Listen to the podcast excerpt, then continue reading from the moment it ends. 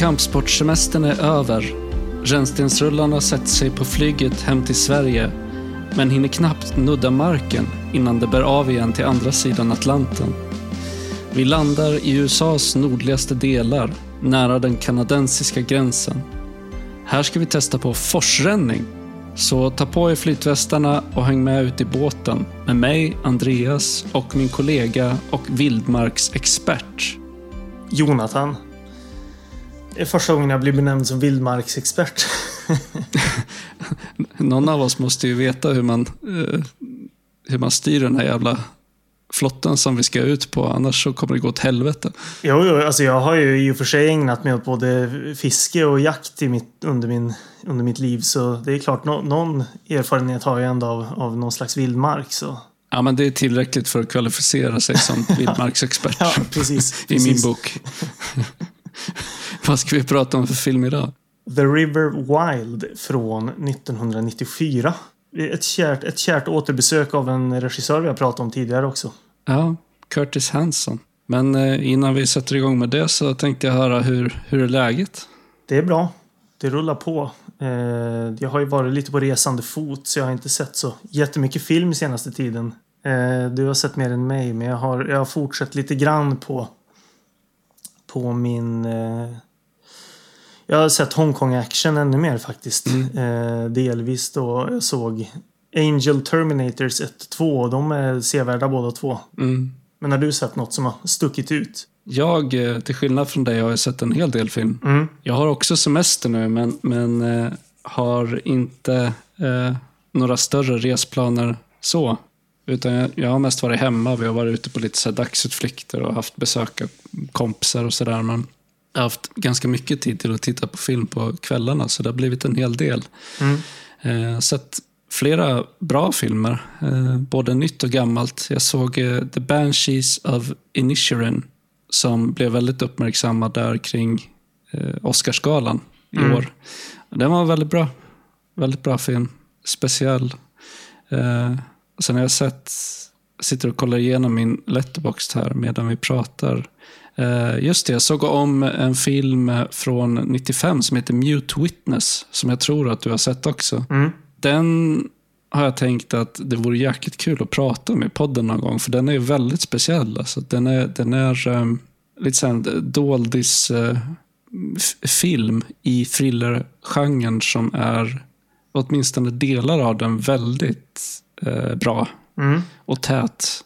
Och snygg framförallt. Otroligt snygg. Jag slogs av det när jag såg om den nu. Att jäklar, det här är ju... Jag tror jag läste någonstans att det var någon som liksom drog paralleller till Brian De Palma och hans bildspråk. Och det kan jag verkligen hålla med om. Mm.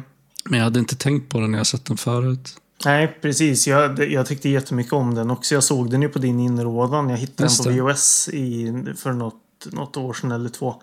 Och tyckte den var riktigt bra också. Så absolut, det känns som, som ganska solklart poddmaterial inför framtiden. Mm. Sen såg jag om eh, Texas Chainsaw Massacre ännu en gång. Mm. Och eh, ja, den var lika bra som vanligt. Jävla kanonfilm alltså. Ja, ja, verkligen. verkligen. Helt otrolig. Det är rätt säsong för den också. Verkligen. liksom ja, den är så varm och febrig. Ja luktar illa trots att det inte är, är, eh, liksom luktfilm. Man kan känna hur jävla illa den filmen luktar liksom. Det... Precis. Smuts och kadaver. Ja, typ. ja precis. Eh, och så såg jag faktiskt för första gången Reanimator. Mm. Eh, och det är en riktig så här kultklassiker. Jag tyckte inte den var så jävla bra. Alltså. Nej, jag såg det. det blir som att svära i kyrkan här, men... Nej, det var inte riktigt min kopp te. Nej, alltså grejen är att det var ganska många år sedan jag såg den nu. Jag gav den ett väldigt högt betyg då och jag tror väl att jag skulle stå bakom det fortfarande. Mm. Jag minns det som att första gången jag såg den eh, så stäng, alltså, såg jag bara halva filmen. Det här var många, många år sedan. Det kan vara runt 2013 eller något sånt där. Då såg jag aldrig färdigt den och tyckte väl att den var okej okay, liksom. Men sen när jag såg om den, jag ska titta här nu när det var jag såg den. Eh, 2017 när jag såg liksom hela filmen då för första gången så minns jag tydligt att jag tänkte fy fan vad bra den här var liksom. Mm. Sen har jag inte sett om den sen dess. Det är också en av så väldigt många filmer jag har eh, tänkt att jag måste se om någon gång framöver. Mm. Alltså det, det, det är väldigt snygga specialeffekter i den. Verkligen. Så den är ju välgjord på så sätt. Men jag tyckte inte att själva storyn var speciellt engagerande. Och jag var inte särskilt förtjust i karaktärerna eller sådär. Jag undrar om du skulle tycka om From Beyond, alltså den andra. Eller de har gjort, eh, alltså Stuart Gordon har gjort flera eh, H.P. Lovecraft-filmer då. Men From Beyond är ju den som är liksom verkligen samtida. Mm. Jag minns även den som väldigt bra, men den var, var det, Den har jag inte sett om ens senaste åren, utan det var nog, det var nog runt 2015 eller något sånt jag såg den. Alltså de är ju kitschiga filmer liksom. Mm. Eh, Reanimator har ju väldigt mycket humor som jag ändå minns som att det funkade rätt bra. Jag är inget, vi har ju pratat om det där tidigare. Det är jag ofta inget fan av riktigt. Just i, i fallet Reanimator minns jag det som att det funkar bra och jag tror även att jag uppskattar det i From Beyond med. Mm. Eh, men det är ju en ganska hårfin liksom, gräns där. Eh, när det bara blir pajigt liksom. Men jag, jag, kan inte minnas som From Beyond aningen mer liksom eh, seriös. Just det. Sen har jag sett uh, The Town That Dreaded Sound, Sundown från mm. 76. Har du sett den? Ja, det var jättelänge sedan också. Det, jag, jag har sett många sådana här filmer men jag har dem inte loggade på Letterboxd för allt jag såg innan 2017 när jag skaffade Letterboxd har jag liksom inte bemödat mig att försöka lägga in. Jag är sen neurotisk med att jag vill ha datum på när jag har sett filmer och sånt. Så jag, jag har vägrat liksom gå och sätta betyg på filmer jag har sett liksom bara för att ha dem med. Utan mm. jag kommer, har jag inte datum på när jag såg filmer så har jag inte lagt in dem. Men ja, jag har sett den. Jag, jag minns det som att jag tyckte den var ganska trist. Ja, det, den, den var ingen vidare alls. Nej. Eh, det är ju någon slags proto-slasher. Ja. Men sen så har väl den även drag av liksom dokumentär om jag minns rätt. Jo, precis. Och det är väl också de, de svagaste delarna med den filmen skulle jag säga. Den har ju en, en helt meningslös eh, eh, voiceover. Mm. Som liksom finns där för att skapa känslan av att ja, men det här är baserat på verkliga händelser, vilket det väl delvis var. Men, men eh, ur berättelsesynpunkt så gör den ju liksom inte filmen några tjänster överhuvudtaget utan den bara sölar ner tempot otroligt mycket. Det är lustigt att du, att du nämner just den för jag såg remaken av den väldigt nyss. Jag tror det var i, precis i slutet på maj någon gång. Mm. Såg jag remaken som kom precis i den här toppen, liksom mitten på 2000-talet när nu vet inte jag om det är en Platinum Dunes produktion men Michael Bays produktionsbolag då när de började pumpa ut remakes på, på gamla slasherfilmer då eller gamla skräckfilmer. Motorsågsmassakern-remaken kom ju där i, i krokarna. Som för övrigt är riktigt bra, den remaken. Men eh, remake, remaken på The Tundet Dreaded Sundown är intressant i alla fall på så sätt att den tar någon slags metagrepp på den här historien och benämner filmen som en riktig dokumentär, alltså originalfilmen. Mm -hmm. Och har med den i handlingen. eh, som, ett, som ett grepp liksom. Uh. Jag, jag minns jag rätt nu så intervjuar de liksom sonen till regissören av den filmen. För det börjar liksom mördas folk där igen. Sen så var den inte så, så bra. Ändå. Men det var, det var i alla fall ett, ett lite intressant eh, grepp. Mm.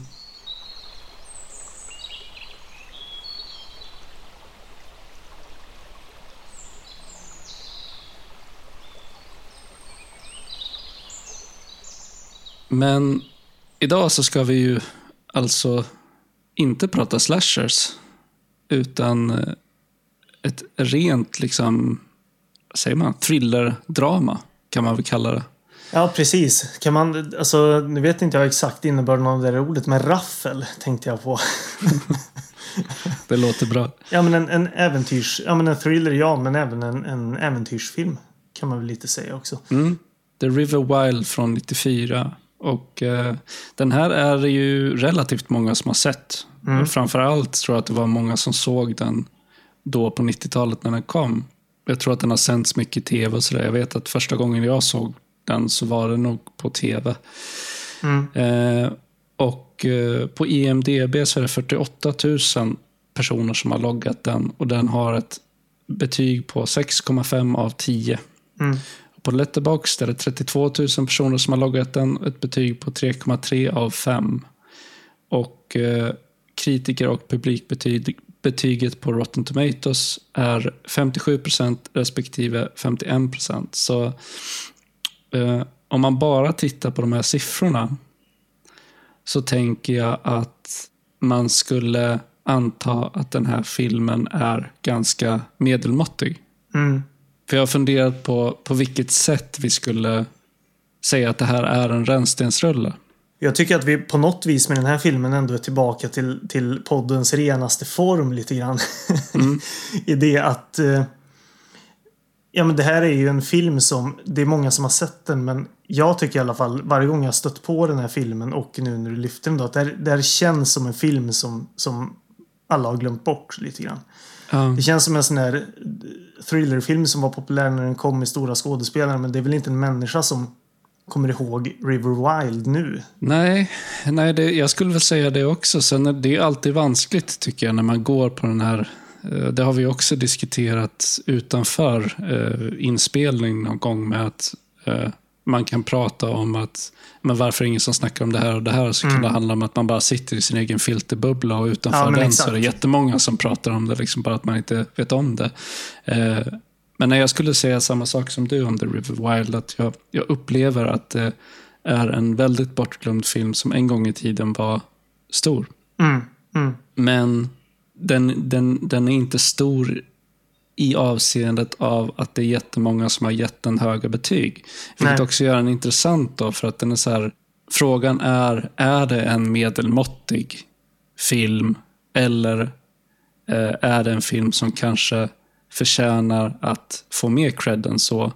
Därför att jag har inte sett den här sen, ja jag vet inte, jag har ingen aning om när jag såg den sist, men det är väldigt, väldigt länge sedan. Mm. Men jag min, minns den som otroligt bra. Mm. Att jag tyckte mycket om den då. Så därför var det intressant att liksom sätta ljuset på den igen. För att se om så här, ja men, är den något att ha? Eller ska vi låta den ligga där i rännstenen? Mm. Jag hade ju inte sett den här tidigare, ska sägas. Nej. Eh, jag har stött på uh, affischen ett par gånger. Så jag, hade ju, jag kände ju till vilken film det var, men jag hade aldrig sett den. Uh, så det var, det var en first för mig. Mm det var inte helt uppenbart hur jag skulle kunna koppla eh, den här filmen nej, nej. till eh, Hongkong action spektaklet Writing Wrong som vi pratade om i vårt förra avsnitt. Mm. Men ja, jag, eh, jag hittade ett sätt. Mm. Six degrees of motion picture separation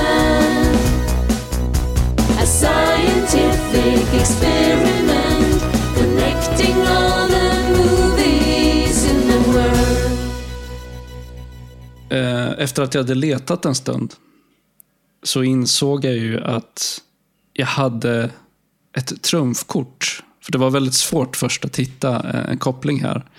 Men Kevin Bacon är ju med i den här filmen. Och mm. Kevin Bacon är ju den skådespelare som är ett upphov till leken som kallas för Six degrees of Kevin Bacon. Ja, just det. Jag, tänk, jag tänkte inte ens just det, alltså, runt det faktiskt, men det är ju helt sant.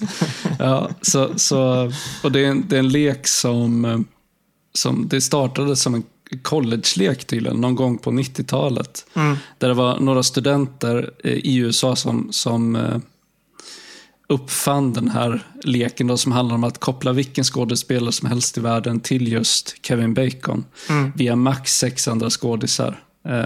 Och det är de så kallade sex graderna då. The six degrees. Så min tanke när jag kom på idén med six degrees of motion picture separation var ju liksom att ja, men om det går att koppla vilken skådespelare som helst i världen till Kevin Bacon så måste det ju gå att koppla samman vilka filmer som helst eftersom de ju involverar betydligt många fler personer. Liksom. Mm. Eh, men den här gången var det svårt, så jag tog hjälp av webbsidan som heter, jag tror, The Oracle of Bacon. Eh, okay. som alltså är en hemsida helt dedikerad till att lista de här sambanden eh, mellan Kevin Bacon och andra skådespelare. Så det är en slags mm. Kevin Bacon-databas. Eh, så man kan skriva in vilket, vilket skådespelarnamn som helst. Mm. Och sen hittade den en Six Degrees koppling till Kevin Bacon. Och jag är så här osäker på om jag hade lyckats hitta någon av de här kopplingarna själv. Det hade krävt ganska mycket arbete. Alltså. Ja, så jag hade ja. tur. Hade tur den här gången. Eh, men kopplingen jag slutligen valde är eh, Writing Wrongs då, steg ett, från 1986. Där Juan Biao spelar en av huvudrollerna. Mm. Eh, han är också med i filmen The Setting Sun från 92 där Diane, Diane Lane spelar en roll. Mm. Och Diane, Diane, Diane Lane eh, spelar mot Kevin Bacon i filmen My Dog Skip från 2000. Mm. Eh, Så det är kopplingen. Men det visade sig när jag för den så här auto, den genererar liksom nya kopplingar varje gång man trycker på generate. Och det, alltså man kan hitta mellan writing wrongs och eh, eh, The River Wild kan man hitta massa kopplingar. Du kanske får, får hjälp av det även inför nästa avsnitt kan vi hinta om. Det kan bli, Precis. det kan bli svårt även då. men men det, det var ju kul det där att eh, det är ju faktiskt, vi har ju the man himself liksom. Eh, att ta hjälp av här. Eh, Mm. Så ja.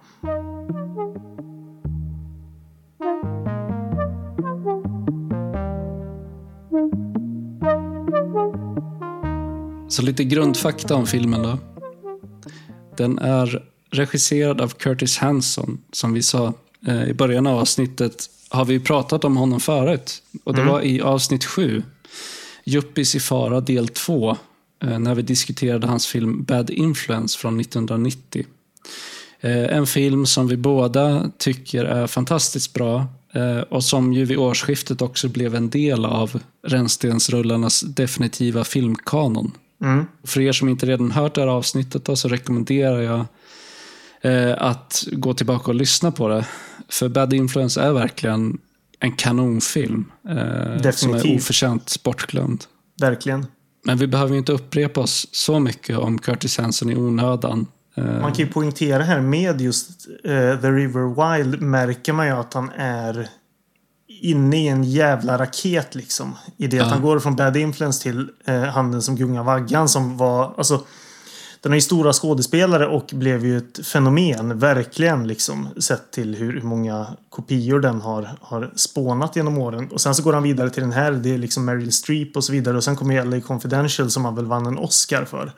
Så det är ju, han är ju i liksom karriärsraketen på högsta nivå här kan man ju säga. Med River Wild liksom mitt emellan, Handen som gungar vaggan och LA Confidential. Jo, han hade en riktig streak där Mm. eh, på 90-talet. Och sen eh, lite senare kom ju 8 Mile. Som också förlänades väldigt mycket uppmärksamhet och beröm. Mm. Men Curtis Hanson han var starkt influerad av filmskapare som Hitchcock och eh, Nicholas Ray. Eh, som bland annat regisserade den fantastiska filmen In a Lonely Place med Humphrey Bogart och eh, Gloria Graham. Har du sett den? Nej. Nej, det är skitbra. Ganska speciell för att vara en Humphrey Bogart-film. Han spelar liksom inte en hår- hårdkokt snut där, utan han är en författare. Eh, så det är mer som ett slags, eh, vad ska man säga, relationsdrama med inslag av liksom mysterier och sådär. Men det är en skitbra film. Mm.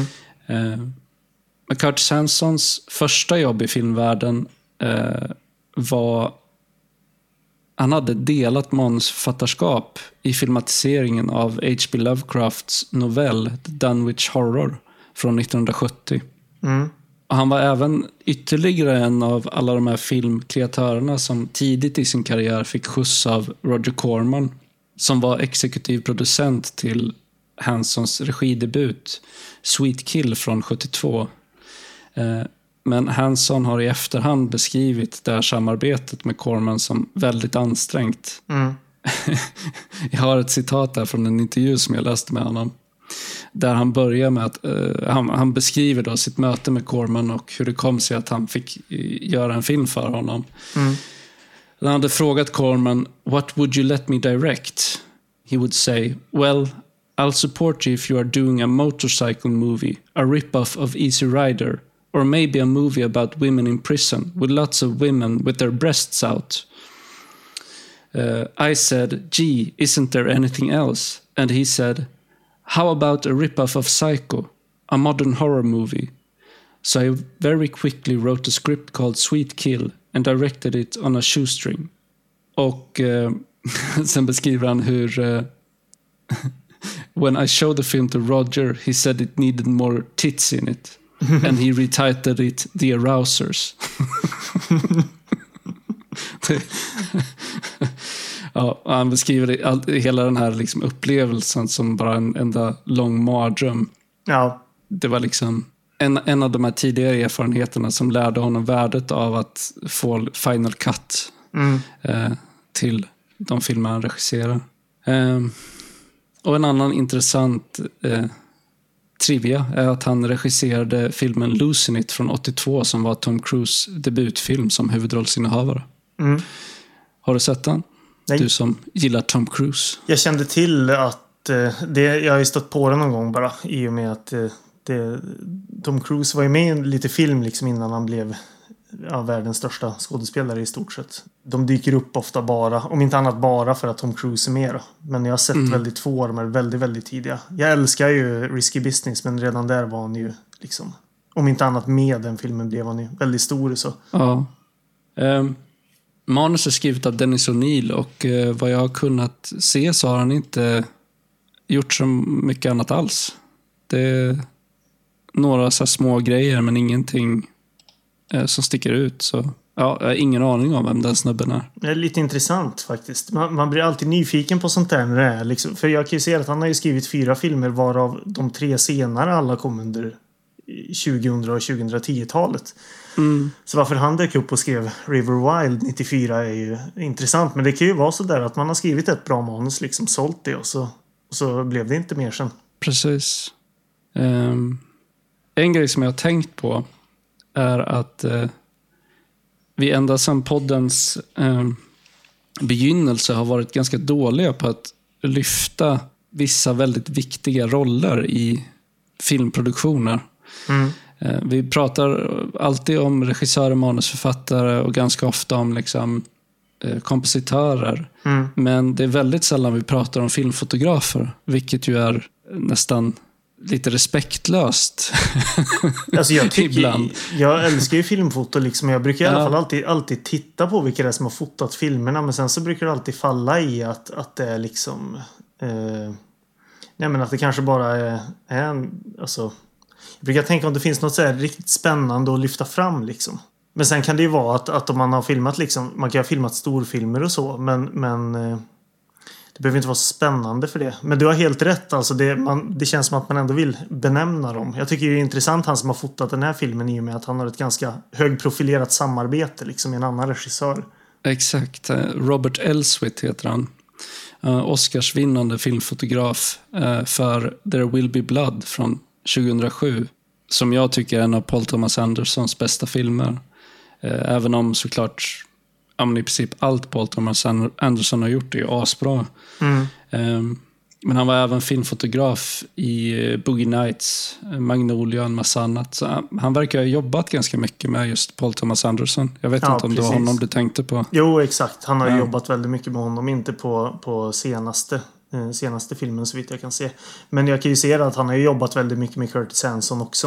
Eh, Ja. Han har ju filmat Bad Influence till exempel. Precis. Nej, men jag tror att en anledning till varför man kanske eh, ofta missar att specifikt lyfta fram filmfotografen, det är för att många gånger kan det vara rätt svårt att utröna vad som är liksom regissörens förtjänst och vad som är filmfotografens förtjänst. Och de har ju ett väldigt nära samarbete. Liksom. Mm. Så om man är lite slapp, som vi kanske är ibland, så blir det lätt att man bara pratar om att ja, men regissören har gjort en jävligt snygg film. Men det är ju såklart eh, lika mycket och i många fall mer av filmfotografens förtjänst eftersom det är det som är hens specifika jobb eller uppgift vid en filmproduktion. Liksom. Absolut, precis.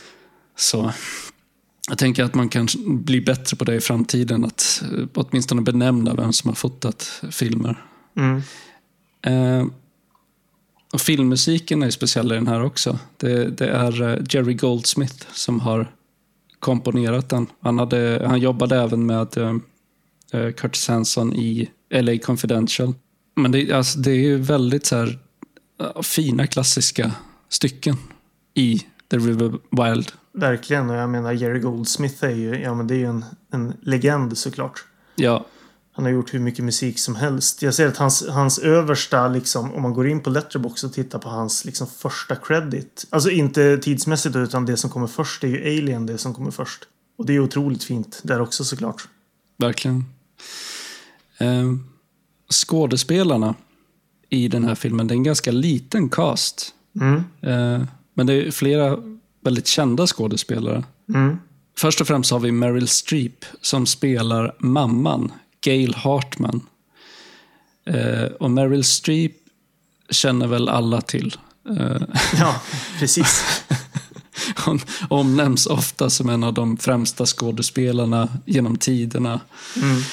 Hon har rekordet för flest Oscars, Oscars-nomineringar av mm, liksom alla skådespelare eh, genom historien. Hon har 17 nomineringar som bästa skådespelerska och eh, eller bästa kvinnliga huvudroll och fyra nomineringar för bästa kvinnliga biroll. Mm. Hon har vunnit statyetter för bästa kvinnliga huvudroll i Kramer vs. Kramer, Sofies val och The Iron Lady. Och förutom de här filmerna har hon varit med i filmer som Deer Hunter, Adaptation, Timmarna eller The Hours, eh, Out of Africa och så vidare. Eh, och på senare år så har hon, precis som många andra stora skådespelare, gjort en hel del TV. Eh, hon är också med i det, den otroligt, eh, fin, det otroligt fina kärleksdramat Broarna i Madison County från 95. Där de spelar mot Clint Eastwood som även regisserade och producerade filmen.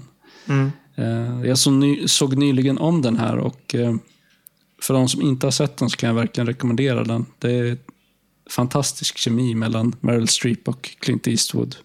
Mm. En väldigt vacker film. En film med Meryl Streep jag alltid har varit sugen på att se men som det aldrig har blivit av är Silkwood från 1983 av Mike Nichols. Mm. Jag vet inte om du har sett den. Nej. Eh, det- den känns inte som att den är överdrivet lätt att få tag i, vilket är lite synd. För det har varit en sån här film jag varit väldigt nyfiken på eh, väldigt länge. Där är ju en annan skådespelare med som också är med i, i River Wild faktiskt, David Strathairn. Ja, men vi kan ju ta honom på en gång då. För David Strathairn då spelar ju maken Tom Hartman Mm. i The River Wild.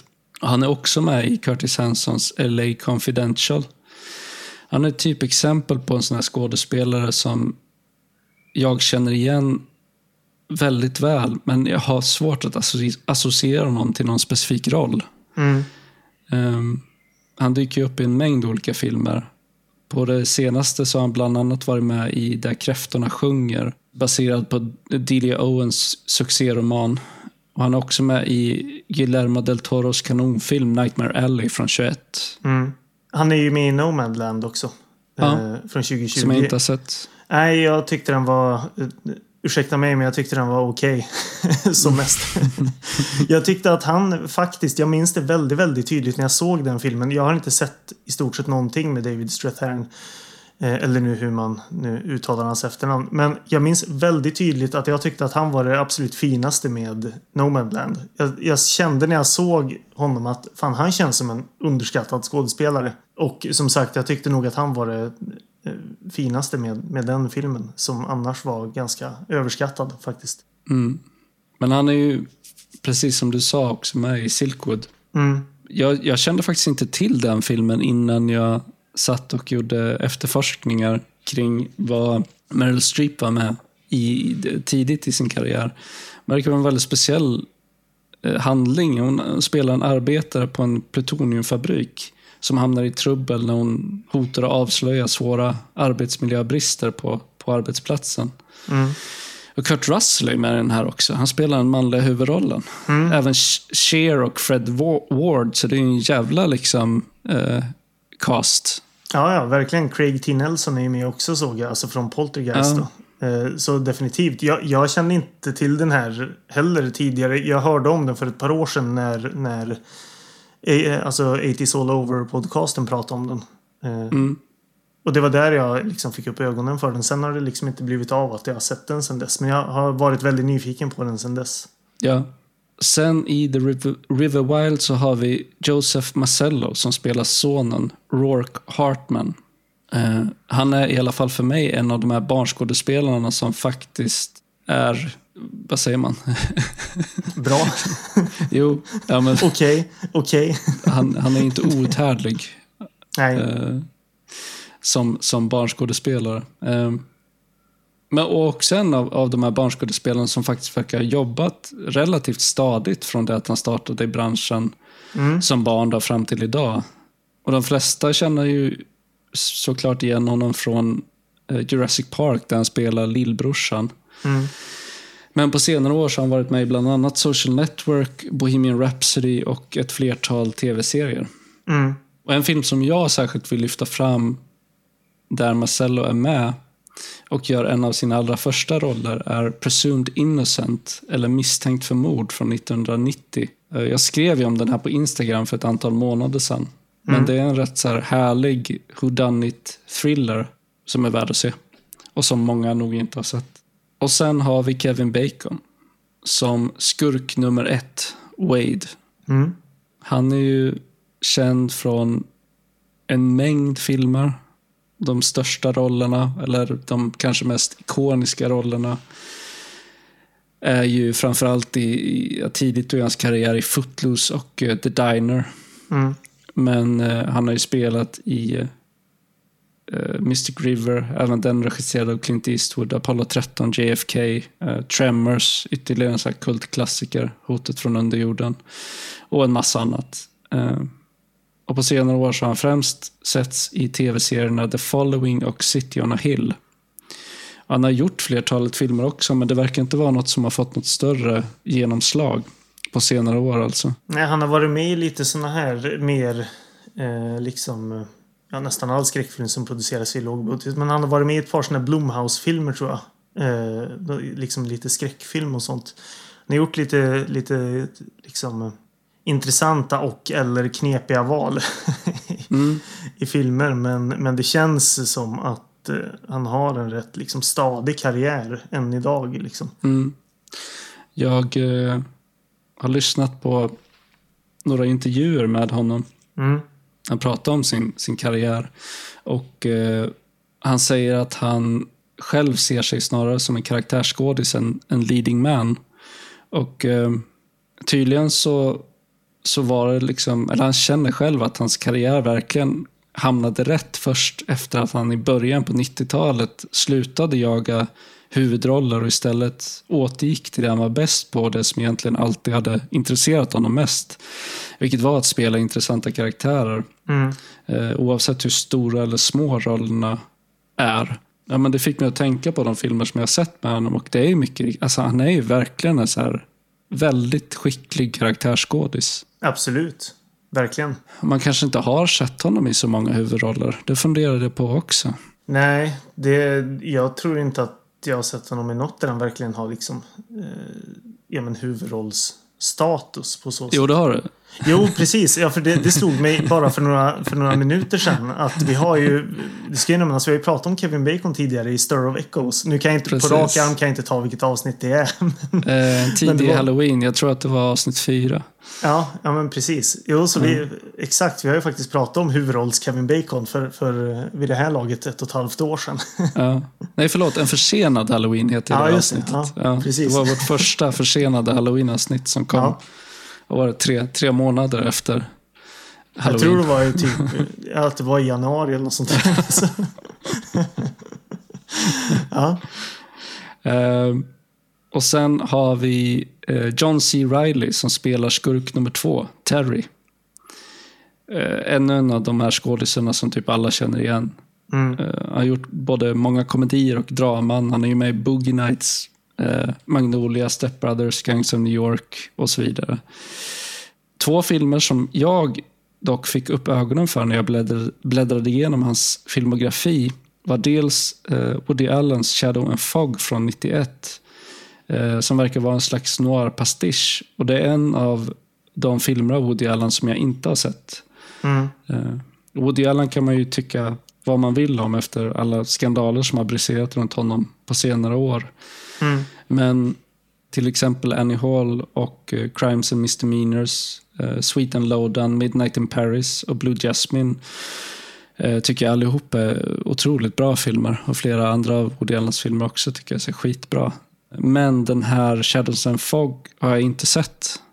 Och hade inte koll på att den fanns heller. Nej. Och sen en annan roll som eh, John C. Reilly gör som jag vill lyfta fram är som Dr. Steve Brule i Adult Swims komediserie Check It Out with Dr. Steve Brule. Mm. Känner du till den?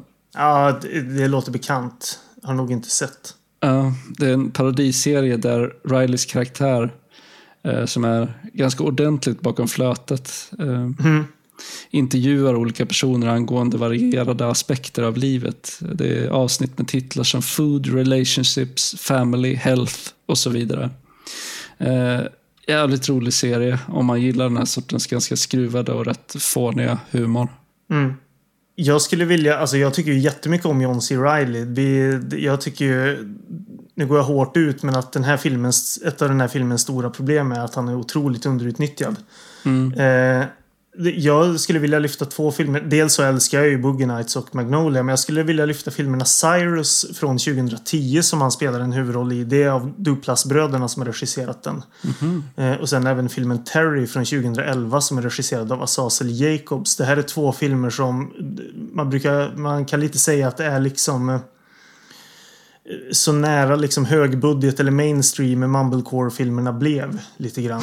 eh, dels då i och med att det är ganska kända skådespelare med framförallt i Cyrus där spelar alltså John C. Reilly, Jonah Hill och Marissa Tomei eh, huvudrollerna. Då.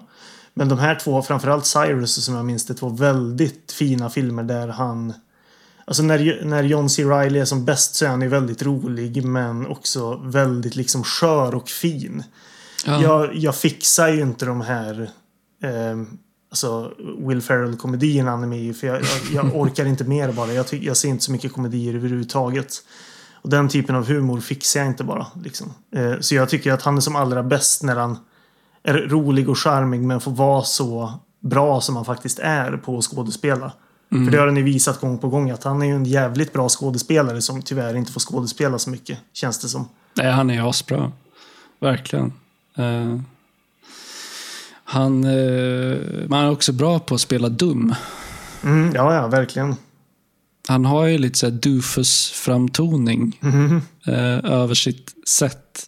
Han är väldigt bra på att spela dum. Eh, och det gör han ju i viss mån i The River Wild också. Mm. Eh, och sen har vi Benjamin Bratt i en väldigt liten roll som Ranger Johnny. En skådis som jag känner igen till utseendet men har svårt att placera. Men jag minns honom i alla fall från filmen Blood In Blood Out från 93. Mm. Eh, vilket är ett väldigt bra exempel på, på en av de här få filmerna som jag tycker är så dålig att den blir bra. Eh, och att jag uppskattar den just därför. Ja, menar du det? Jag, jag har, har hört den omnämnas ganska ofta som att vara en, en, liksom, en jävligt bra film. Nej, den är otroligt dålig. Ja, ja det, för det, det kanske beror, beror på vad, liksom, vart man kommer ifrån då, uppenbarligen. Alltså jag menar vad, vad man är beredd på för typ av film. Men jag har hört att många liksom uppskattar den väldigt, väldigt, väldigt mycket. Nu måste jag bara se om vi verkligen pratar om samma film. Det är också med han från Street Fighter-filmen, han som spelar Ken i Street Fighter. Han ska ju spela någon så här latino eh, gangster, typ, som kommer ut från finkan och kommer tillbaka till sina gamla hoods. Ja, det är den som är regisserad av Taylor Hackford. Alltså, eh, ja precis. Ja, men då, då tänker jag på samma. Ja, den har, eh, har fått väldigt, väldigt höga betyg. Så det, ja, nej, den är... Den är em, jag, jag tycker ju om den. Alltså, jag har inte Ja. sett den sedan jag var i 20-årsåldern. Men då såg jag den och eh, tyckte att den var så eh, fånig och over the top att den blev väldigt rolig. mm, Så, så om vi någon gång ska prata om uh, So Bad It's Good-filmer så tycker jag vi ska prata om den, bland annat. ja, och se om, den, om, det, om det är en sån då, uppenbart. även, även nu. Ja. Eh, ja, och det är de namn som jag tycker är värda att nämna innan vi börjar prata om filmen i sig. Jag vet inte om du hade någonting mer? Nej, Det, det var, alltså det är ju en liten cast. Mm. det, det är ju en väldigt koncentrerad film. Så, så nej. Man skulle kunna kalla det för ett kammarspel. Ja, ja absolut. På vatten. Mm. Väldigt eh, liten cast. Och eh, jag tror att jag gillar den här filmen delvis av samma anledningar som jag gillar tågfilmer. Mm. Mm. Så det är, som, det är som en tågfilm på vatten. Ja, ja, absolut.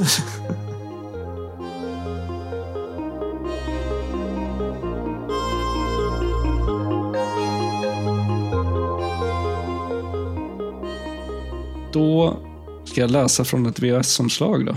Som hade, som hade en tagline som, som överensstämmer även för oss. Såg jag. Precis. ja, det, det föll sig så att det, det passade väldigt väl. Eh, det står River Wild, semestern är över. Eh, och sen är det, vad, vad tycker du om den här, det här omslaget? Alltså, den här liksom fish-eye-bilden som används på så många ställen. Här. Det är väl en tidsmarkör om inte annat. Ja. Eh, och ja, jag vet det ser fan inte bra ut. Alltså man hade kunnat lyckats göra något annat. Tagit något annat. Det är klart, den, den liksom visar ju ändå på att det här blir en intensiv upplevelse. Men det ser också jävligt fånigt ut. Mm, ja, jag, jag, jag är lite kluven när det kommer till det. För att jag, jag gillar den då. Alltså det är väldigt så här fart i, Ja, ja. i bilden. Men, men absolut, det ser lite billigt ut. Ehm, men på baksidan så står det så här. Som ung hämtade Gail, Meryl Streep, sin styrka från floden. Född och uppvuxen i dess närhet känner hon väl till forsens nyckfulla rytm och vilda vändningar. Hon tar med sig sin familj på en fridfull forsfärd, men semestern tar en oanad vändning när de får sällskap inför floden av tre män. En av männen, Wade, Kevin Bacon, får inflytande över Gails son som rycks med, med av Wades karisma. Männen beter sig underligt och när en av dem försvinner förstår Gail att något är fel. Men de har redan faran som sällskap och Gail måste använda sin kunskap om floden för att rädda sig och sin familj. Och eh, sen är det ett citat från Los Angeles Times eh, där det står Du tappar andan två gånger om. Vad menar de med det? Mm, jag tänkte också lite på det att eh, det antyder ju liksom att, att man tappar andan först en gång och sen en gång till. Men jag vet inte. det är inte som att den här filmen har några stora twister eller så.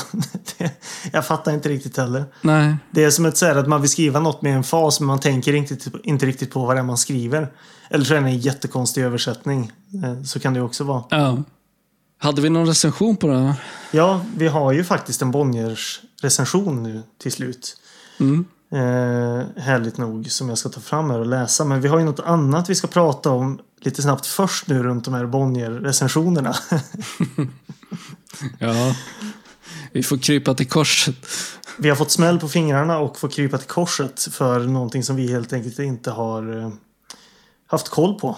Runt betygssättningen i Bonniers stora film och videoguide. Ja, eh, det har ju uppdagats att eh, em, de fem stjärnor som vi har trott att eh, Bonniers använder som maxbetyg egentligen är fyra stjärnor. Eh, så det innebär ju alltså att alla gånger som vi har sagt till exempel tre av fem eh, så är det egentligen tre av fyra. Ja, Så alla de gånger vi har varit överraskade över att en film till exempel får ett väldigt lågt betyg så har ju alltså den filmen egentligen fått ett betydligt högre betyg än vad vi har trott. ja precis. Så det här är ju lite skämmigt. Vi, vi, eh, vi, vi har ju gått hårt ut med att bara läsa recensionerna rakt av och sen liksom ja, säga vilket antal stjärnor den får. Och då har vi bara antagit att det var tre av fem. Men eh, sen, jag tror jag satt för några veckor sedan och liksom läste inledningssidorna till den här boken. Då, och där är det förklarat vilken typ av betygssystem de använder. Och mycket riktigt så är det ju alltså ja, max fyra stjärnor. Ja, för grejen är att de har ju en eh, ledsen smiley eh, för det lägsta betyget. Ja, Så, så det, är, det rör ju sig om en, en fullständig betygsskala. Bara att vi har alltid trott att, att den, den har legat lägre än vad den egentligen har gjort. Ja. Men det kan ju vara kul då att gå tillbaka och lyssna på våra, se hur vi har reagerat på de här betygen och eh, när man nu vet om det här då. Att, mm. att de här filmerna kanske egentligen fick mycket högre betyg. Så ja. Det har ju även till saken med då River Wild eh, recensionen som jag ska läsa upp nu då. För de skriver så här. Spännande, välgjord äventyrshistoria om en kvinna som tar med sin lille pojke och sin man. Kanske på väg att bli exman på flodfärd. Det faller offer för ett par skurkar på rymmen. Streeps trovärdighet som hustru, mamma och expert på att manövrera en flotte håller historien flytande. Ja. Mm. Jämsides med andra goda skådespelarprestationer och livfulla actionscener. Tre av fyra stjärnor.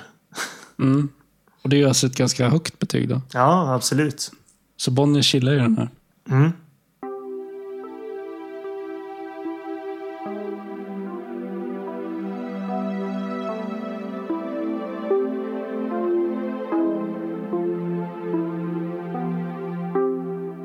Ja, några inledande tankar? Ja, vad jag tänkte väldigt tidigt i den här filmen. Vi kan ju börja med, det är ju en fin liksom, introsekvens här. Mm. Liksom, det är en jävligt mäktig startbild med hur hon paddlar. Det är väl Chicago hon bor i? Visst är det... Nej, Boston. Boston, Boston. Ja. Det är en jävligt snygg introbild med hur hon paddlar liksom på öppet hav precis vid, vid kustlinjen utanför Boston.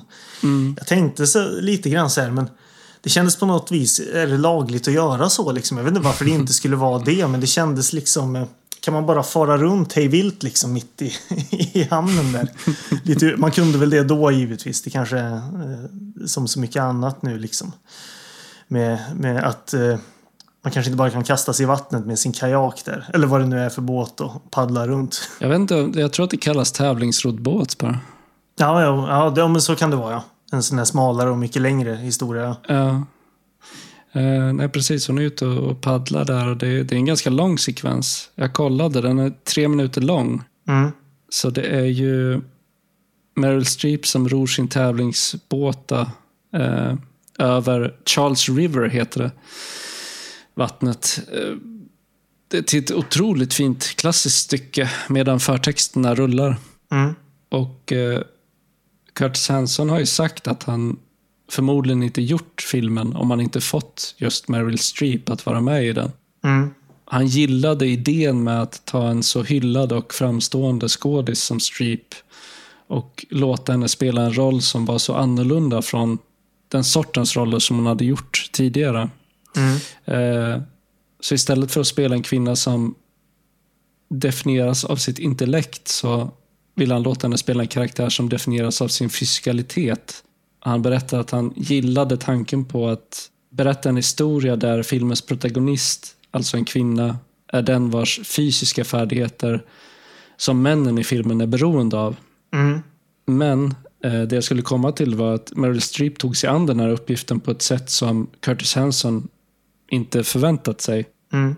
Hon kom ju att göra de flesta av sina egna stunts eh, och hamnade även i livsfara vid något tillfälle under inspelningen. Men i den här första inledande scenen så hade Curtis Hanson tänkt att eh, liksom skildra den genom close-ups på Meryl Streep och sen använda en body double för själva roddscenerna. Men när Streep dök upp till inspelningsplatsen så hade hon legat i hårdträning ett par månader för att kunna spela rollen som forsrännare med trovärdighet. Så det är hon som ror där på Charles River i början. Mm. Ja, det är, det är väldigt coolt och jag tänkte också på just det där att eh, det är liksom ett intressant val med Meryl Streep och jag satt lite och tänkte också vart var hon i sin karriär här liksom. Alltså hon har väl aldrig haft någon slags sån här career slump liksom. Men mycket riktigt när man tittar så. Det var ju inga liksom. Så som jag har förstått i alla fall. Alltså så gigantiska succéfilmer runt den här filmen. Sen kommer ju Brorna över Madison County som du pratade om då året efter. Och det var väl en, en mastodontsuccé om jag har förstått rätt. Mm. Men det, är det var ju liksom en, en, lite mer. Alltså den Meryl Streep man känner till nu så jämfört med, med den Meryl Streep så var det väl en. Det var väl en lite mer liksom eh, lågmäld del av hennes karriär kanske. Det var inte de här gigantprojekten som hon jobbar med just här och det var väl kanske därför också man tog ett, ett liksom mer intressant projekt som är den här till exempel då. Mm. Eh, branschade väl ut och testade andra typer av roller och här var väl en av hennes liksom, första eh, eh, försök att göra en slags actionroll. Mm. Och jag tror att hon fick en del skit för det också. För att det var liksom inte, det, an, det ansågs inte vara eh, en tillräckligt fin film för en så pass duktig skådis som Streep att ta sig an. Mm. Eh, men eh, den här eh, familjen, de ska ju ge sig av på roddbåtssemester Mm. till ett område nära den kanadensiska gränsen.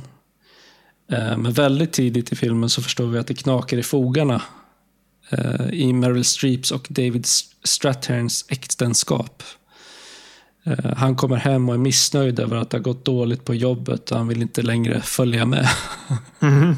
Alla blir såklart väldigt besvikna men det slutar med att Streep och barnen åker ensamma. Först till eh, hennes mamma och pappa då, som ska ta hand om dottern medan Streep tar med sig sonen, spelad av Joseph Marcello, eh, för att ro ner längs floden. Och här tidigt i filmen så kommer ju också en scen med mamman där Meryl Streep beklagar sig över sitt äktenskap. Om hur svårt allting har blivit. Och eh, mamman ger henne ett, ett tal Mm. om att hon minsann inte har en aning om vad det är att verkligen ha det svårt. Och att problemet, eh, som mamman ser det, är att den yngre generationen ger sig själv en utväg i ett äktenskap och så var det inte förr i tiden utan man ska liksom härda ut. Mm. Men så kommer de till den här flodstationen då. Där eh, sonen träffar Kevin Bacon. Och eh, han tycker genast att han är jävligt cool. För att han har en Jays Addiction-keps på sig. Ja, det är väl en Lollapalooza-keps. Eh, alltså den här... Ja, just det, det är en den här fest, Det är ju festivalen som, som sångaren Janes Addiction, Perry Farrell, startade. Och de pratar ju om det. Janes Addiction sen liksom. Marcello säger att han önskar att han hade kunnat se Janes Addiction innan de splittrades. Mm. Det är en kul grej för en typ åttaåring. ja, precis. Jag tycker också att det, det är alltså, det är väl ett enkelt grepp men lite elegant också i det att jag tycker att man redan där liksom kan se lite på Kevin Bacon att han fattar egentligen inte alls vad han pratar om utan det är ju en Nej. keps han har snott någonstans bara. Och han fattar överhuvudtaget inte vad, vad, vilka Janes Addiction är liksom. Nej, han har ingen aning alls. Men han, han liksom håller med Marcello då för att han liksom låtsas som att han förstår vad han pratar om. Ja, ja men precis. Det är också roligt där. De, de går ju tillsammans ner tillbaka till vattenbrynet. Mm. Och eh, Kevin Bacon är väl liksom måttligt intresserad av den här grabben som bara hänger efter honom. Eh, men så får han syn på Meryl Streep när hon står och pumpar eh, pumpar upp en flytväst tror jag, i, Mm, i sin båt. Liksom. Hon står med ryggen vänd mot dem så han ser liksom hennes bakdel. Så här. Och då genast vänder han sig till sonen, sträcker ut handen och säger Hi I'm Wade. Och presenterar sig. Is this your mother? så han, han är inte så diskret. Liksom. Nej, nej, precis. Han stöter på en vacker kvinna och då, då plötsligt så vill han bonda med den här grabben. Då, så. Ja, ja. Men, men eh, som tittare så börjar man ju ana oråd redan här eftersom personerna som, som Bacon är med, de är liksom lite längre bort. Eh, I en båt, det är två, två män där som liksom ropar på honom att han måste komma. Och den ena av dem sitter ju sitter ner i båten och ser väldigt liksom besvärad ut. Så man börjar ana att han är skadad på något sätt. Att det är något som inte stämmer. Liksom. Mm. Och sen dyker ju David Strathairn upp igen. Han har kommit på andra tankar och rest dit trots allt för att följa med på den här båtsemestern. Då. Och så ger de sig av. Han ska fortsätta på sin pappersskiss i en flod. ja, precis. Jag Hur han ska hålla denna torr låter- Det ser är- jävligt är- riskabelt ut. Ja, alltså hur han ska hålla det torrt liksom är beyond me. han lyckas ju. Ja. Han är någon slags arkitekt, va? Visst är han det? Ja, han ska ju rita något hus som, som Ja. man pratar om i början och eh, han måste liksom ja, rita det här färdigt. Mm. Eh, för att liksom vinna över, över någon annan snubbe som ska få kontraktet annars. Mm. Målet för deras resa är en station längre ner längs floden som kallas för Bridal Creek. Men vi får också höra att eh, det efter eh, den här stationen så kommer man till en del av floden som är livsfarlig att eh, ro genom, som kallas Mm. för The Gauntlet. Och, och Streep berättar att hon har tagit sig igenom den en gång när hon var ung och dumdristig. Men de ska absolut inte försöka göra sig på det den här semestern. Mm. Här någonstans så, man börjar liksom ana att hon i sitt tidigare liv varit en daredevil. Mm, eh. Som lämnat det här vilda livet bakom sig för att leva ett mer stillsamt familjeliv. Mm. Eh, Men så fort hon kommer ut på floden så verkar hon genast lyckligare. Hon Ja, liksom livar upp. Jag börjar ju vittra lite en annan sak redan här i den här filmen. Och jag vet inte om du tänkte på samma sak, men jag börjar ju få lite vibbar av, eh, av Shoot to Kill. Här. Mm, just det. Så nästan exakt två år senare så, så kände jag att säga, men vänta nu, det här är ju nästan samma setup som till Shoot to Kill om man plockar bort eh, om man plockar bort den här liksom eh, polisduo-aspekten av filmen. Ja, bara behåller den här friluftsgruppen tror jag vi kallade det för i avsnittet. Ja, ja precis. och det var lite intressant för då kom man ju också på, då började jag tänka på Shoot to Kill igen. Dels att jag tänkte så här, även fast den filmen på många sätt inte var superbra så var det ändå en sån film jag var sugen på att se om. Men sen så började jag då väga lite och tänka liksom att vad eh, vad den här filmen gör. För den här filmen är på, på vissa, eller ganska många sätt i alla fall bättre än Shoot to Kill. Vad den här gör bättre och det är ju nog att det kanske är eh, eh, det kanske är liksom något sånt här Shoot to Kill skulle ha varit också egentligen. Eh, Ja, f- framförallt det River Wild har som Shooter Kill inte har är ju ett sammanhängande manus. Ja, ja, ja på, i, i nio fall av tio kan, vi, kan jag säga. Men det, det är en av mina andra eh, punkter som jag inte tycker är jättestarkt med den här filmen. Men, eh, men, eh, nej, men jag tyckte det var lite intressant att eh, eh, jag skulle säga att den på många sätt väldigt mycket påminner om Shoot to Kill faktiskt. Ja, alltså eh, den påminner ju jättemycket om den delen av Shoot to Kill som handlar om Kirstie Alley som leder den här gruppen män genom vildmarken. Absolut. Där, de, de sysslar ju inte med forsränning där, men de ska ju ta sig genom, genom det vilda. Precis, man har ju samma setup i det att, att både Kirstie Alley och Meryl Streep blir liksom mer eller mindre tvingade att eh, hjälpa de här genom vildmarken kan man väl säga då. Eh, För att nå fram. Nu minns jag inte vad målet var i Shoot to Kill. Eh, Ja, där är det ju liksom en faktisk friluftsgrupp och sen Ja. är det liksom en av de här männen som, som just är med det. i den Ja, gruppen som är, en, som är en skurk. Just det. Nej, men det, var, det var intressant. eh, Det var en Mm. intressant koppling. Liksom, att, att de här bitarna faktiskt är, är ganska lika varandra.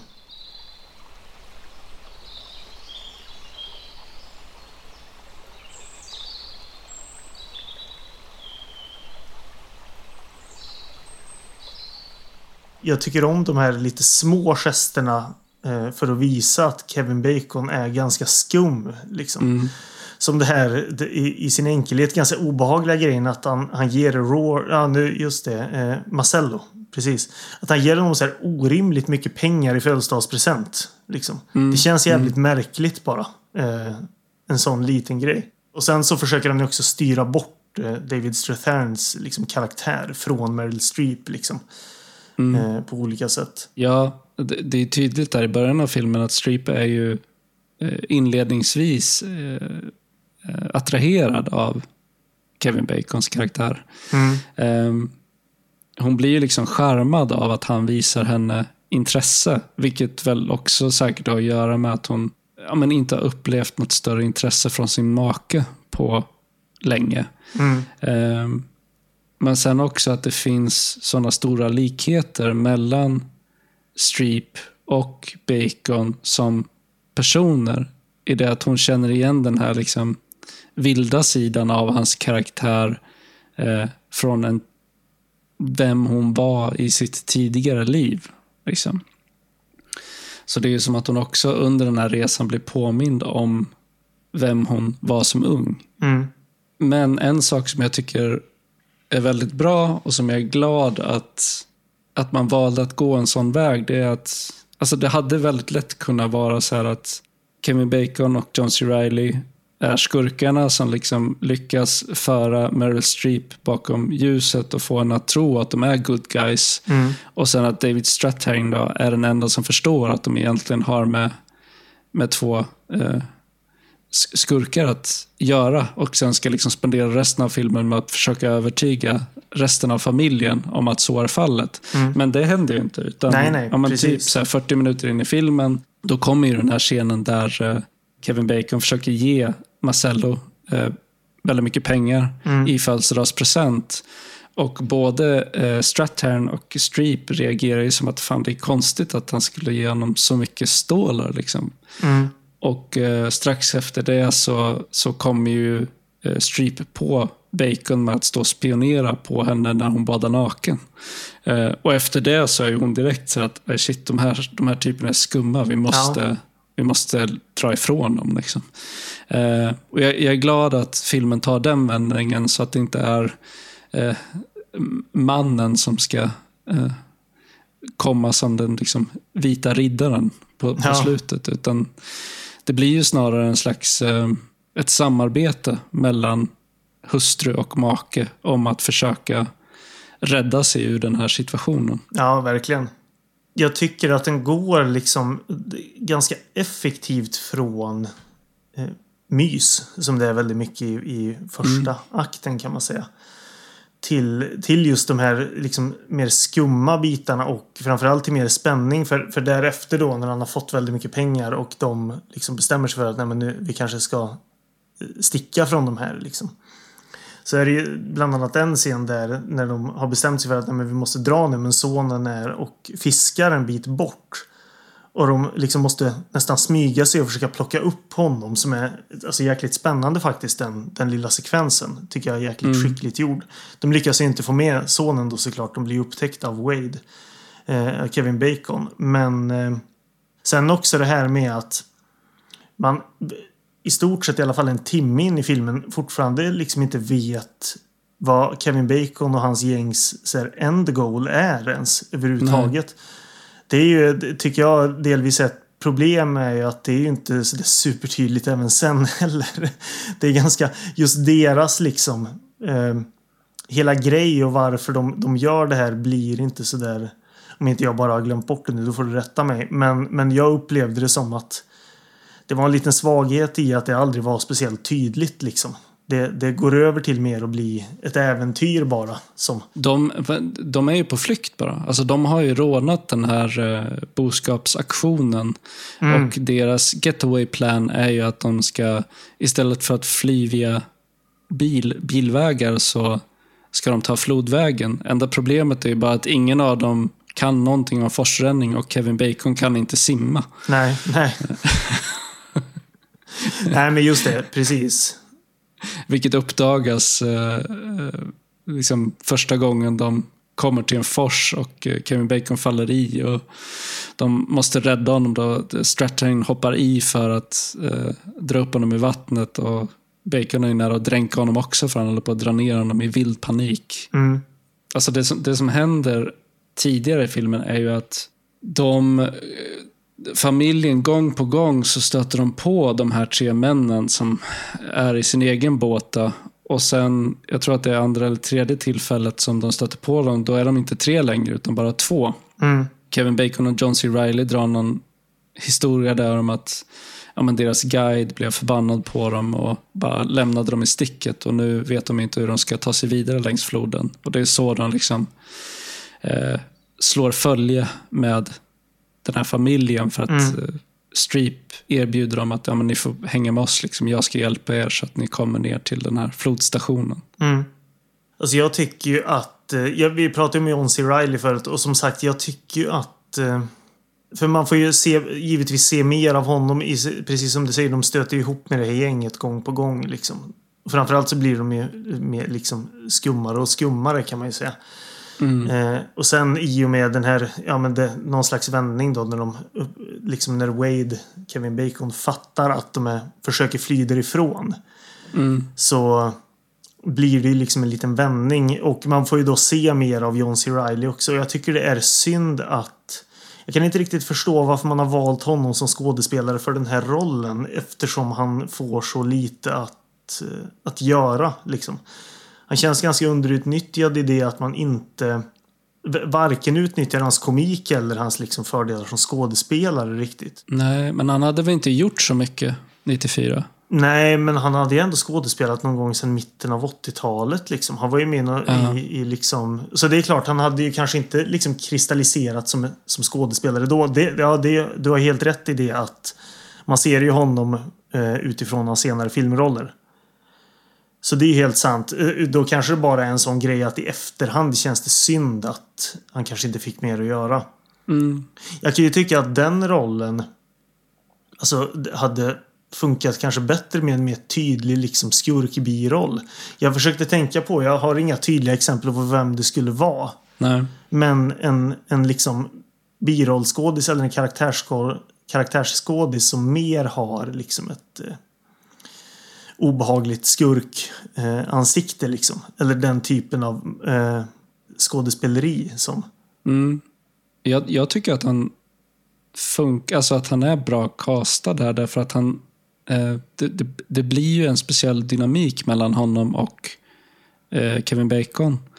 Just för att Kevin Bacon visar sig vara den här eh, kallblodiga mördaren eh, som inte drar sig för någonting för att liksom uppnå sina mål. Mm. Så jag tycker att båda de karaktärerna att de funkar bra som en skurkduo.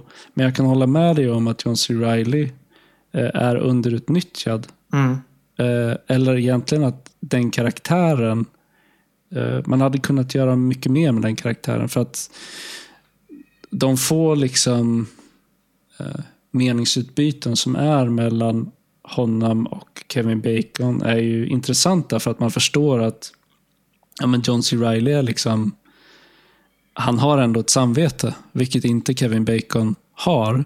Samtidigt så är han beredd att döda om nöden kräver, så han är ju väldigt mycket av en så opportunist. mm, ja, ja. Eh, och ganska korkad. Han, eh, han förstår ju inte saker så väl. Han är rätt klumpig. Liksom. När, han ska, eh, när han får order av, av Bacon att han ska vakta dem liksom, så att de inte sticker, då somnar han. Liksom. Mm, och, mm. eh, det är han som har orsakat att de var tvungna att döda den här säkerhetsvakten som de dödade i samband med, med rånet av den här boskapsaktionen. Och han är bara väldigt klantig. Liksom. Mm. Ja, framförallt så tycker jag att Kevin Bacons karaktär är väldigt intressant därför att han är både väldigt charmig och väldigt obehaglig redan Absolut. från början. Och sen eh, allt eftersom filmen fortskrider så tar ju eh, hans obehagliga sidor över mer och mer. Tills Ja, dess att man inser att okej, vi har med en helt samvetslös galning att göra här. Liksom. Mm. Men han är väldigt bra på att framstå som a nice guy. Ja, verkligen. Alltså det, det hör ju till Kevin Bacon som skådespelare också att han är ju väldigt charmig. Ja, otroligt. Han har en del intressanta repliker. Alltså direkt efter den här scenen där han eh, visar sitt verkliga ansikte och liksom eh, slår ner pappan och sen drar pistol och Mm. försöker skjuta deras hund. Så jävla ondskefullt. Eh, så vänder sig ju sonen eh, Joseph Marcello till honom och säger I thought you were a nice guy. Och Kevin Bacon bara tittar på honom och så säger han att I am a nice guy. Just a different kind of nice guy. Och det låter som att han menar det. Jag tycker att det finns någonting i den där repliken som är så här, men vad fan, hur ser den här karaktären på sig själv? Liksom? Ja, ja precis. Eh, samma sak att han flera gånger uttrycker beundran för Meryl, Meryl Streeps karaktär. Han, han säger att hon är liksom en fantastisk kvinna och han är väldigt så imponerad, imponerad av henne, hennes styrka, beslutsamhet och hennes färdigheter på floden. Mm. Eh, och det verkar också vara genuint. Mm. Och sen samtidigt så drar han sig inte i slutändan för att bara så här, ja men jag kommer ha ihjäl er allihop om det är det som krävs för att jag ska få som jag vill. Ja. Han är väldigt bra på att spela den typen av, av ganska ja, svårlästa karaktärer. ja, definitivt. Han ger den här karaktären ett djup som jag uppskattar väldigt mycket. Mm. Samma sak gäller för Meryl Streeps karaktär. Att hon är också en ganska komplicerad person i den här filmen. Och det är väl det som händer när man tar den här typen av, vad du kallar för ett raffel, raff, raffelfilm. och faktiskt sätter eh, liksom världsskådisar Ja. i rollerna. Precis. Att det blir någonting annat än bara raffel. Ja, eh, verkligen. Om, jag tycker man kan...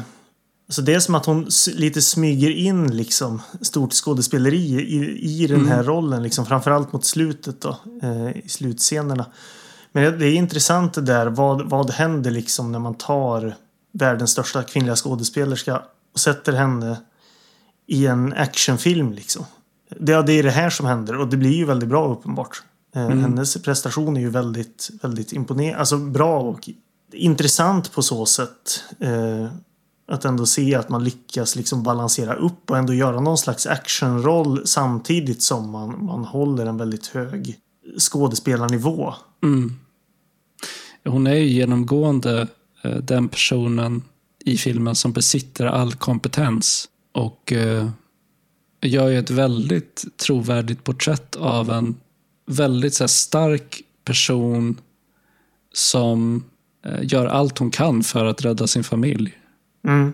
Eh, nej, alltså, du, du gillar Meryl Streep här? Ja, ja, ja, verkligen. Alltså det, och det är ju tur att man gör det också i och med som sagt att det är en sån liten cast. Det kräver att... Det, det är därför jag tycker det är lite synd med John C. Reilly. För när man har en sån här liten grupp skådespelare så blir det också väldigt tydligt om någon av dem inte flyger lika, flyger lika mycket liksom som de andra.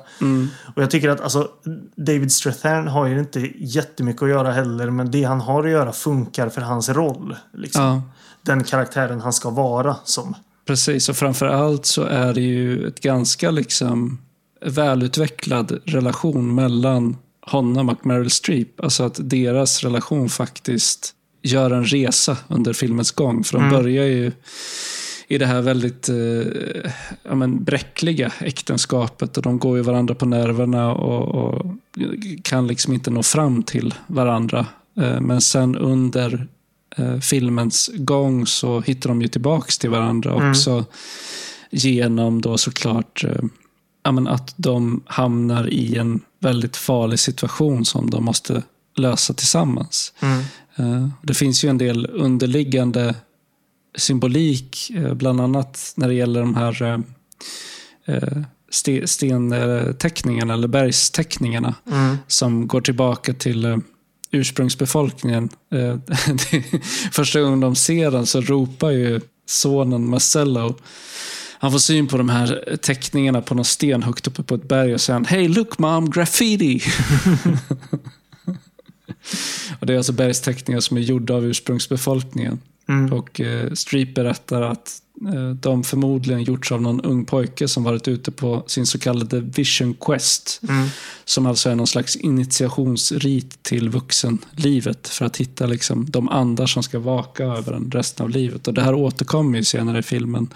Eh, när David Strathairn eh, lyckas lösgöra sig från den här gruppen eh, och jagas av Bacon men, men undkommer. Då. Och sen sätter han av för att försöka hinna dem, före dem eh, ner till slutet av forsen för att gillra en fälla. De förmodar väl att han är död framförallt. Ja, precis. Eh, precis. även där känner man av liksom eh, likheterna med Shoot to Kill tyckte jag i, den, Mm. i de sekvenserna liksom när, han, när de försöker komma ikapp den här gruppen som eh, och liksom, liksom följer dem från håll lite grann. Just det. Sen är det egentligen bara upplösningen av filmen kvar. Alltså, och de har ju hintat åt det tidigare i filmen, det här med att det finns det så kallade The Gauntlet som är då en livsfarlig del av, av forsen. Och Kevin Bacon och John C. Reillys stora plan är ju att de ska ta sig igenom The Gauntlet för att de har en flyktbil som väntar på andra sidan. Eh, men de har ju då inte räknat med hur jävla livsfarligt det här, den här planen faktiskt är. Och Meryl Streep försöker förklara för dem att hon, hon kommer inte klara det. Alltså de kommer dö om de ger sig på, på att ta sig igenom The Gauntlet. Men eh, Bacon är ju väldigt... Eh, han är fast besluten och lyssnar inte på reson. Och det känns också som att han har nästan... Alltså det finns någonting i den karaktären som ser fram emot den faran. Mm. Jo, jo, precis. Och välkomnar det, liksom, trots Ja. att han inte kan simma, trots att han inte kan någonting om forsränning. Jag tänkte på det att det enda som gör liksom den här planen trovärdig är ju egentligen att han är på det sättet. Att han egentligen vill det, ja. Eh, Ja, att han, han gillar att eh, han gillar kicken han får av att utsätta sig för den typen av fara. Och John C. Reilly är liksom för dum för att förstå hur farligt det är. Det finns ju också något litet drag av att han kanske också liksom vill, vill hävda sig eller visa sig för Meryl Streep också. Ja, Just att han, han fixar det.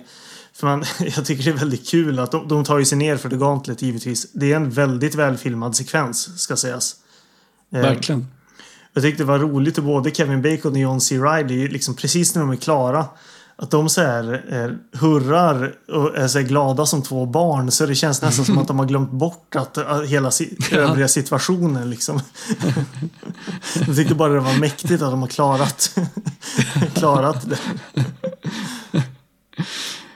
Eh, ja, ja, vi behöver ju inte avslöja exakt hur det slutar. Liksom. Men eh, det, det kommer ju till en såklart en slutgiltig konfrontation. Då. Mm, men li- en eh, intressant faktiskt. Lite, något lite mörkare konfrontation än man kanske, kanske väntar sig. Men det behöver vi inte avslöja. Det, den här filmen är ju väldigt sevärd. Så. Men det var lite intressant. Ja, det, där tycker jag också att eh, lite skådespelerskan Meryl Streep kommer fram lite grann i, i de sista bitarna också.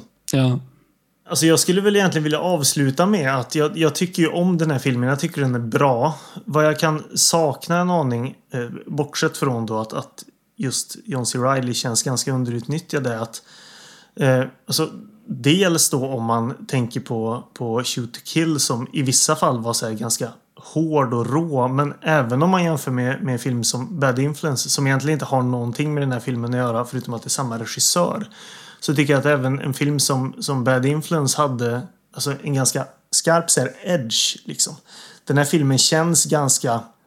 Det behöver inte alls vara negativt men den är ju lite slätstruken liksom. Uppenbart har ju Curtis Hanson det i sig att göra något ganska rått liksom. Ja. Och jag, det, det kan jag lite sakna för jag tror att det absolut hade funnits utrymme för det här.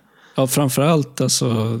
Eh, jag tänker att det är, det står skrivet mellan raderna på något sätt att Kevin Bacon är rå på Ja. det sättet. Men man får inte riktigt se det. Nej. Förutom i enstaka scener. Men man förstår ju att han är kapabel till precis vad som helst. Mm. Men absolut, eh, det håller jag med om. Men jag tycker att det är en... Jag tycker väldigt mycket om den här filmen. Den är väldigt välspelad, det är ett bra manus, bra dialog, eh, tight och spännande thriller. Ja, alltså det är ju väldigt kul att se en, en eh, genrefilm som det ju är med så jäkla bra skådespelare i. i liksom. Det händer ju inte ofta, eller ja, det är väl på streamingtjänsterna nu. Liksom. Men, men att se den här typen av så här, jätteproduktion som är genrefilm liksom. Det är ju en, en, en, ett actionäventyr som Ja, och så spelar Meryl Streep huvudrollen. Eh, och jag menar, jag tycker att, alltså vi pratar mycket om Meryl Streep, men jag tycker att, att framförallt Kevin Bacon är ju, jobbar ju i samma liga som henne här liksom. ja, ja. absolut. Och det är ju roligt att se den här typen av film då med så bra skådespelare. Ja. Och det, det är ju de två karaktärerna och deras liksom skådespel mot varandra som är filmens största behållning, skulle jag säga. Mm. Även om alla eh, som är med i den är bra, till och med barnskådespelare. Ja, ja men precis. Verkligen. Eh, ja, nej, så jag röstar för att vi tar upp den ur rännstenen. Ja, men det tycker jag också. Det är verkligen sevärd.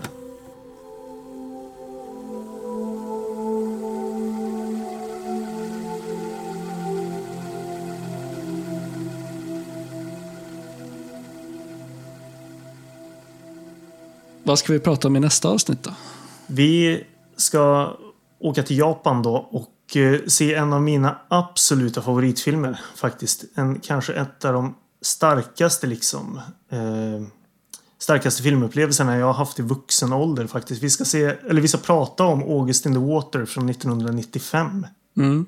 Som du väl hade sett någon gång, eller hade du sett hela ens? Nej, jag såg inte färdigt den. Nej.